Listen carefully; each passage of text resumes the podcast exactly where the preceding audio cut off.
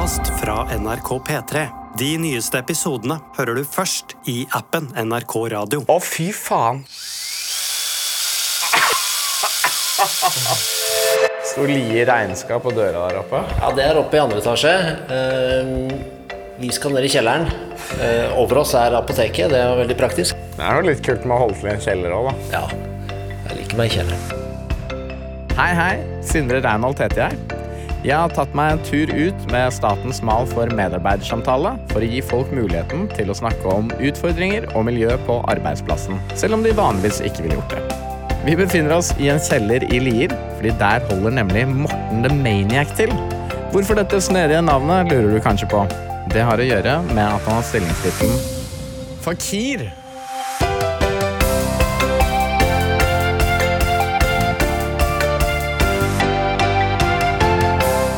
Vil du ha croissant? Ja, Er det det er jo fantastisk.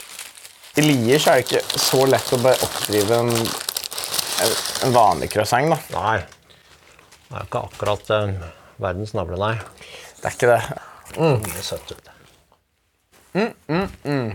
Eh, På skjemaet mitt så har jeg skrevet fakir. Hvilken stillingstittel er det du foretrekker at jeg bruker? Ja, fakir er fint, det. Hva er egentlig en fakir?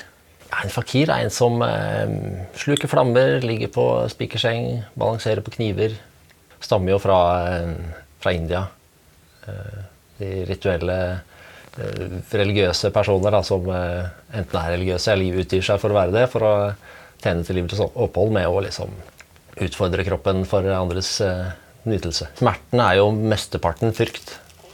Når du først får bort frykten, så er det jo bare smerte igjen, og det er jo, det er jo ikke så gærent, det. Man, eh, man dør ikke av litt smerte. Litt vondt har man ikke vondt av. Jeg syns det er verre å stå opp klokka seks om morgenen og dra på samme kontoret hver dag. Du vil heller henge et par krukker til lunsj? Ja, helt klart. A4 er tortur for meg. Jeg har aldri vært på en eh, medarbeidersamtale. Jeg, jeg tok med CV. Jeg vet ikke om det er liksom noe man eh, har med på sånt. Skal vi se. Jo, det er jo deilig å se litt av kompetansen du har. The headmaster of the maniac.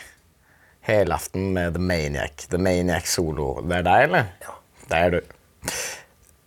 Ja, det er jo på en måte et scenenavn som som bare kom. Mora til eh, en av barndomsvennene mine, som begynte å kalle meg Gærne-Morten da vi var små. Uh, Stifta pungen fast på bardisken på lokale puben og knuste flasker i huet. Og Hva var det som eh, gjorde at du syntes det var fett, da? Det, ting er så kjedelig. Du må liksom eh, gjøre noe som er litt annerledes, noe som eh, vekker litt oppsikt. og liksom Noe utenom det vanlige. Stifte pungen i bardisken? Ja, why not, liksom? Så kom det jo til et punkt hvor det, hvor det ble eh, farlig både for meg og, og de rundt meg. Endte opp i slåsskamper, hadde med liksom kamera rundt overalt. og Folk likte jo ikke, skjønte jo ikke greia, liksom. Nei. Så da eh, tenkte jeg at enten så må jeg bare slutte, eller så må jeg gjøre dette her ordentlig. Du har jo noe utdanning. Det er ikke bare Coco-Jambo-stemning oppi huet der. Man må jo ha, I bunnen må man ha en interesse for, for kroppen og hvordan, hvordan ting funker. Og eh, sette seg litt inn i anatomi og eh, risikoanalyse er jo veldig viktig. Det er klart det. Særlig, altså Jeg tenkte jo ikke på det da. Eh, men nå som det her er jobben, så kan jeg jo ikke dra på mer enn at jeg kan dra på jobben dagen etter. liksom. Ikke sant. Tradisjon tro skal vi banke gjennom fem punkter i dag. Med spørsmål som hvilke utfordringer møter du i jobben som fakir? Og er det mange turer til legevakta? Målet til slutt er at jeg sammen med The Maniac skal komme fram til en liten liste med ting han kan tenke på for å bli den beste i jobben sin. Men til å starte med skal vi få en oversikt over arbeidsoppgavene hans. Jeg har bedt deg om å fylle inn et skjema med dine ulike arbeidsoppgaver. Og nå skal vi gå gjennom hvor godt du trives med og mestrer disse oppgavene. Arbeidsoppgave flammeblåsing. Det er jo liksom en av de klassiske fakiraktene som alle liksom forbinder med det å være fakir. da. Men trives du med oppgaven? Ja eller nei? Tja, Hvorfor tja? det er jo dritfarlig. Og det er det? Ja, Du har jo giftig væske i munnen, liksom. Eh, Ett lite feiltrinn, og du er ferdig, egentlig. Mestrer du denne oppgaven? da? Eh, Dårligere enn forventa, som forventa eller bedre enn forventa? Jeg har slutta å blåse flommer. Jeg gikk på en smell ganske tidlig med, med flommerblåsinga. Hva skjedde da? Um, Lungene tok fyr, rett og slett. Hæ? på direkten på TV. Jeg hadde vinden mot meg og fikk eh, flammen da i ansiktet igjen. Og pusta i den samtidig. Og da pusta inn både flamme og væske. Hva skjer da når lungene dine tar fyr? Ja, da, det var en sånn rar lyd. Sånn slags lyd at liksom lungene blir fylt. Eh, Du prøver å puste inn, men lungene er fulle, men det er ikke noe oksygen der. da. Så eh, det var jo flaks da, at det var rett i reklamepause etter det nummeret. Så gikk jeg og småhosta en uke etterpå. Eh, Sånn kjip sånn tørrhoste. Så dro jeg til slutt til legen da, for å sjekke, sjekke hva dette var for noe. Eh, Da måtte jeg forklare noen ganger hva som hadde skjedd. da. Neste arbeidsoppgave sverdsluking. Trives du med oppgaven? Ja, det gjør jo det. Mestrer du oppgaven? Jeg må si jeg mestrer det bedre enn forventa. Altså, for å være sverdsluker så må man være rett og slett komfortabel med å dø. Er du Så- komfortabel med det? Jeg var det. Eh, Så fikk jeg barn, og da måtte jeg tenke meg om litt. For det er jo så eh, lite som skal til da, før man får en skade innvendig som man ikke merker. Eh, Og det kan være veldig farlig, og da går det fort. Så jeg har begynt å sluke ballonger isteden. Mye mer gøy. eh, Fortsatt veldig farlig. Jeg havna på sykehuset en gang av det også. Hvor lange er disse sverdene du har pleid å Ja, Jeg kan jo vise noen. Ja. Oi, satan. Hvis jeg måler opp med eh, meg, da, eh, og jeg holder dette sverdet, så går jo det Det er ikke langt unna navlen min, egentlig. Så det er godt nedi i magesekken. Et triks er å spise en, eh, en heavy middag, for da sitter magen litt, litt tyngre. Så da kan man sluke den ene centimeteren ekstra. Mener du det? En sånn veier mye, eller? da henger magesekken inne oi. Dette er veldig gøy. Arbeidsoppgave blockhead. Eh, først og fremst, hva er blockhead for noe? Ja, på norsk eh, så har vi oversatt det til den menneskelige treskallet. Og det består av å liksom hamre en spiker inn i nesa og inn i kraniet. Ah, jeg bare Ja, det, er- altså, det, er, det er jo lettere å egentlig bare vise, er det ikke det? Jo, greit, vi gjør det. Så nå har du henta fram en lang spiker her. Eh, Man kan bruke hammer, men det er mye mer gøy med stekepanne. Fordi det lager litt mer lyd. Er du klar? Jeg er veldig klar.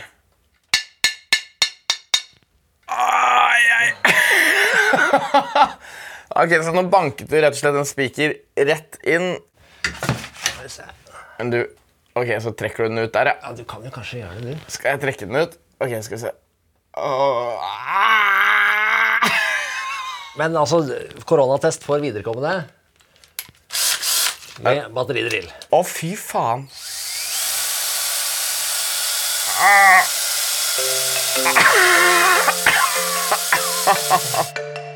Nå har vi blitt litt mer enn bare orientert i det som er arbeidsoppgavene til The Maniac, og vi trasker videre i skjemaet til punkt to.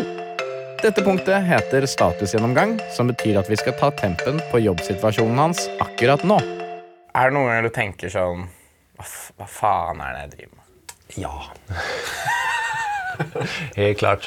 Når man har reist langt og er sliten og sitter og forbereder til, eh, til forestilling med sette nåler i panna, som er eh, en av eh, høydepunktene i forestillinga. Når nålene kommer ut i, i slutten, så kommer jo også blodet, som er liksom den konfettien.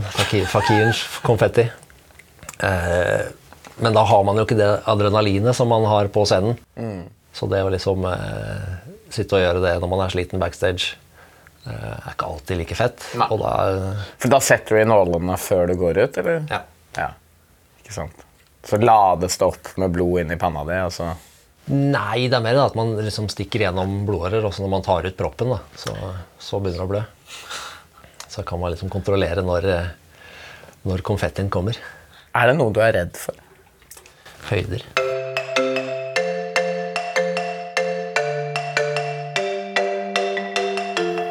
Hvem er publikum? Hvilke, hva slags forestillinger er det du gjør? Hvem er det som kjøper de showene dine? Alt fra barnebursdager til eh, fetisjarrangementer. Altså, eh, alt fra de yngste til de eldste. Og det er liksom de yngste og eldste som kommer med flest kommentarer etter forestilling. Eh, Hva er forskjellen på en måte i innpaktingen av showene? Ja, innholdet er mye av det samme. Hva starter du Eh, med? Spiker i nesa. Um, Men det er liksom måten man, eh, man pakker inn på som er litt annerledes. Eh, og så kanskje liksom droppe dameundertøyet. For er jo også drag. Hva slags forhold er det du har til kundene dine, og hvem er kundene dine? Folk er jo ikke interessert i å se noen som skader seg. Eh, og det skjønte jeg jo etter en forestilling i, på en tattomesse i Malmö. Så kommer opp en etter forestillinga og sier ah, 'fy faen, det var dødsrått', men jeg kommer aldri til å se det igjen. Da gikk det opp et lys for meg. Så hvis, eh, hvis alle de 2000 menneskene som er her, tenker det samme som han, Ja. så kommer jeg til å gå tørr for publikum ganske snart. Så da skjønte jeg det at eh, man kan ikke gjøre det bare for, eh, for sin egen del. Man må jo pakke det inn eh, og gjøre det til noe som eh, folk flest vil se. Da. Før man liksom får de med på lag, og så kan man da se hvor, hvor langt kan man drøye det. Ja. Og det er jo spennende å se hvor sadistiske, eller hvor lett det er å få folk til å bli litt sånn sadistiske, for alle har det litt sånn iboende i seg. Du prøver ikke å eh, rømme fra noe med den skadingen du påfører deg selv? Jeg rømmer fra å fire livet. Hvordan ser livet til Morten the Maniac ut i fremtiden? Og hva er det som gjør at han vil påføre seg selv smerte? Vi skal til punkt tre, nemlig karriere og motivasjon. Hva er dine ambisjoner? Jeg skal ha tilbake sverdsulykkinga. Ja. Den eh, begynner å bli klar snart, kanskje, Ja. tror jeg. Hvordan var det du startet med dette? Eh, jeg starta med å henge i kroker. Det var egentlig sånn jeg kom inn i det her. Eh, hvor jeg meldte meg på for å gjøre noe drøyt, liksom, for å få det på film. Og liksom, eh, det skal jeg ha på lista over ting man har gjort. Men når jeg kom dit, så var det jo en, eh, en sånn fin atmosfære med, med masse rare mennesker. Eh, masse forskjellige bakgrunner. Alt fra liksom, arkitekt fra Polen som reiste til Norge for å henge kroker, sånn at ingen skulle vite om det, til liksom, eh, sånn som meg, da, som var en, eh, en type jackass da, som skulle bare gjøre et stunt. Men når jeg fikk de krokene og kom meg opp, så var det helt fantastisk. Det var liksom eh, ingenting som, som spilte noen rolle. Det var bare deg og krokene og din egen kropp. da. Så det er en utrolig følelse.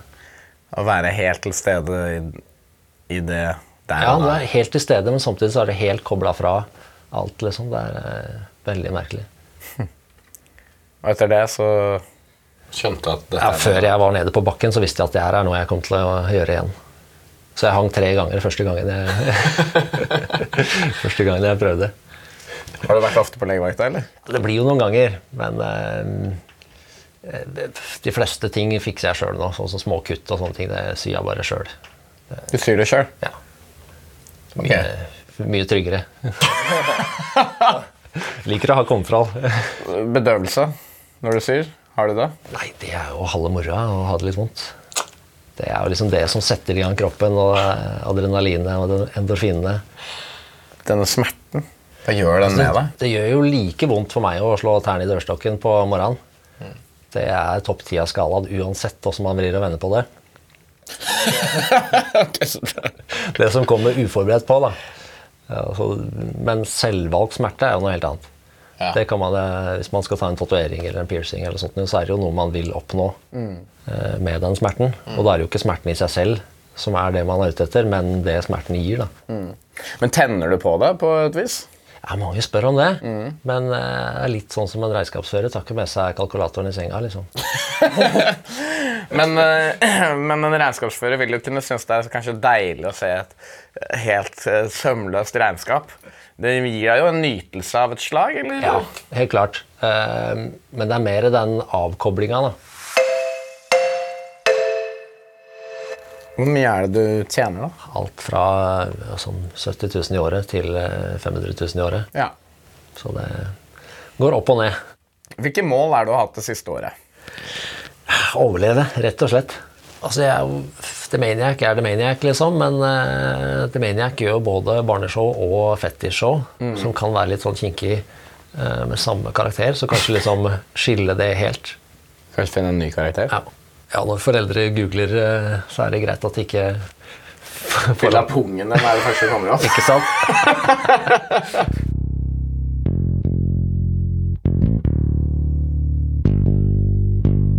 Det er også en slags arbeidstittel som jeg har. Verdens tynneste sterke mann. Eh, løfter diverse vekter med diverse kroppsdeler. Barneshowa løfter jeg i skjegget og øret. Eh, Voksenshowene, da drar vi det litt lenger. Og med det så mener du er pungen. Du gjør det i pungen, da. Ja. Hva er det du løfter da, Det er bowlingkuler. som veier opp til Eh, rekorden er, eh, eller var 27 kilo. Og hadde jo en idé om at dette her skulle gå litt, eh, gå litt lenger. Jeg kan jo fint henge hele kroppsvekten i en krok. Så hvorfor kan jeg ikke henge min kroppsvekt eh, i pungen? Tenk, tenk nå jeg, da. Det er jo ganske stretchy og fin hud eh, der, men eh, ja, det gikk ikke helt sånn. Eh, Jeg fant noe som var 28,7. Eh, Det ble litt heftig, så det sa Rich. Så da revna pungen, rett og slett. Hva går gjennom huet ditt når noe sånt skjer? Nei, altså Det, det som skjedde, var at jeg mm, hadde ikke målt kjettingen bra nok. Og det var et ølfat med, med litt øl i. Det var ikke helt tomt, ikke helt fullt. Eh, Men det som skjer da, når jeg står på tærne, så begynner jo ølet å eh, bevege på seg. Eh, Så jeg måtte sette ned, mista balansen. Eh, Men når jeg da skulle løfte eh, andre forsøket, så letta han ikke av bakken. Så da lurte jeg her er det noe gærent. Så løfter jeg opp pungen, så er det jo helt åpent på baksiden. da. Hva går gjennom hva, altså, hva er det, hva er det? Jeg hadde jo fått grådig panikk. Jeg ja, Jeg må innrømme jeg ble litt stressa da. Ja. Litt stressa. Den sydde du ikke sjøl. Nei, den sydde jeg ikke. Å være fakir det byr på ulike problemstillinger.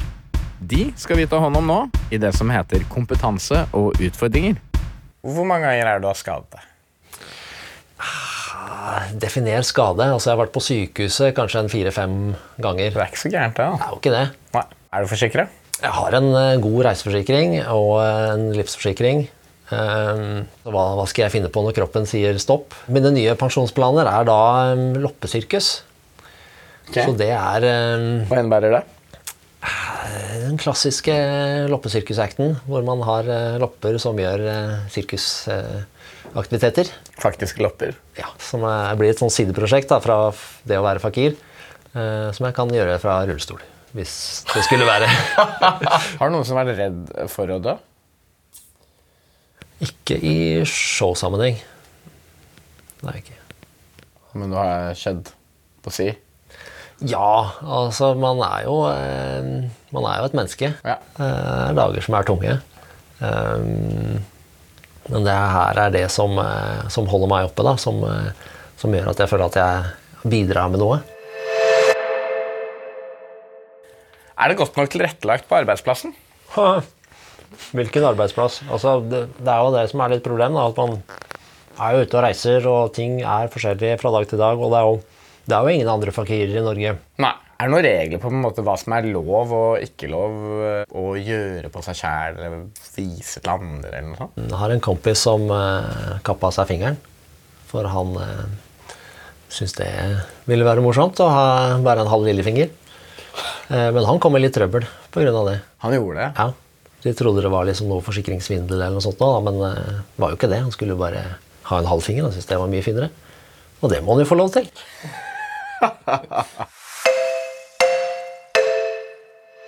Nå min venn, er vi klare for det aller siste punktet.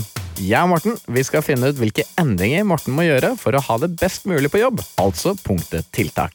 Hva kan jeg gjøre for deg, da? Det er jo mange valg som må tas. Å kunne bli fortalt hva man skal gjøre. Jeg har aldri vært noe interessert i det, men en gang imellom kunne liksom Deilig med litt autopilot. Ja. Hva er det som bør løftes opp på et samfunnsnivå? At eh, folk generelt er mer åpne. At eh, ikke alt må liksom passe inn i disse boksene.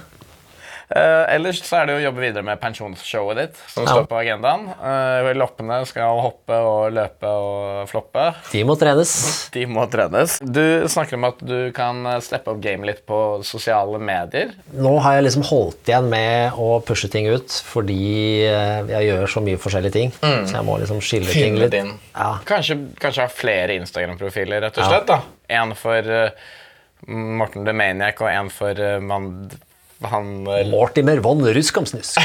Ja, han skal helt klart få sin egen uh, barnekonto. Yep. Ja, koselig. Veldig fint å få snakka gjennom det her. Jeg har aldri vært på eh, en sånn medarbeidersamtale som det her. Så Så var det gøy å ha medarbeidersamtale. veldig fint. veldig fint. Nå har jeg siste spørsmål her. Har dere lønningspils? Helt klart. Det, det må jeg ha. Det har vært kjempeinteressant å få et innblikk i arbeidshverdagen din. Håper du har hatt det greit. Veldig bra. Så skal vi snakke litt om deg nå, da. Du, blir, det, det, da, da blir du sittende lenge.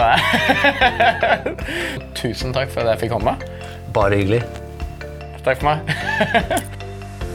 For å lage denne medarbeidersamtalen så hadde jeg hjelp av mine kjære produsenter Jakob Naustdal og Elise Welde.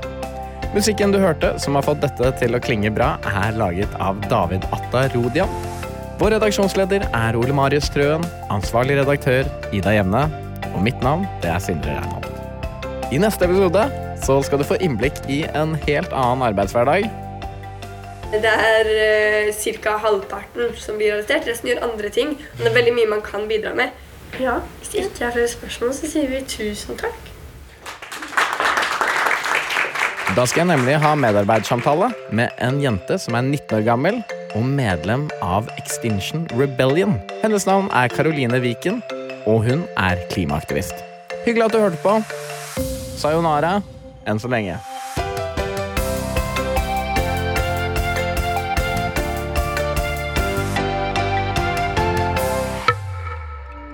Abid Rajas liv er som klippet ut av en Bollywood-film. Du kommer til å bli kultur- og likestillingsminister. Han er fattiggutten med alle oddsene mot seg. Altså, det, hadde vært, det var så latterlig langt ifra virkeligheten. Men så møter han noen helt spesielle mennesker som hjelper han. Ja, det var min baby. Abid og de gode hjelperne hører du kun i appen NRK Radio.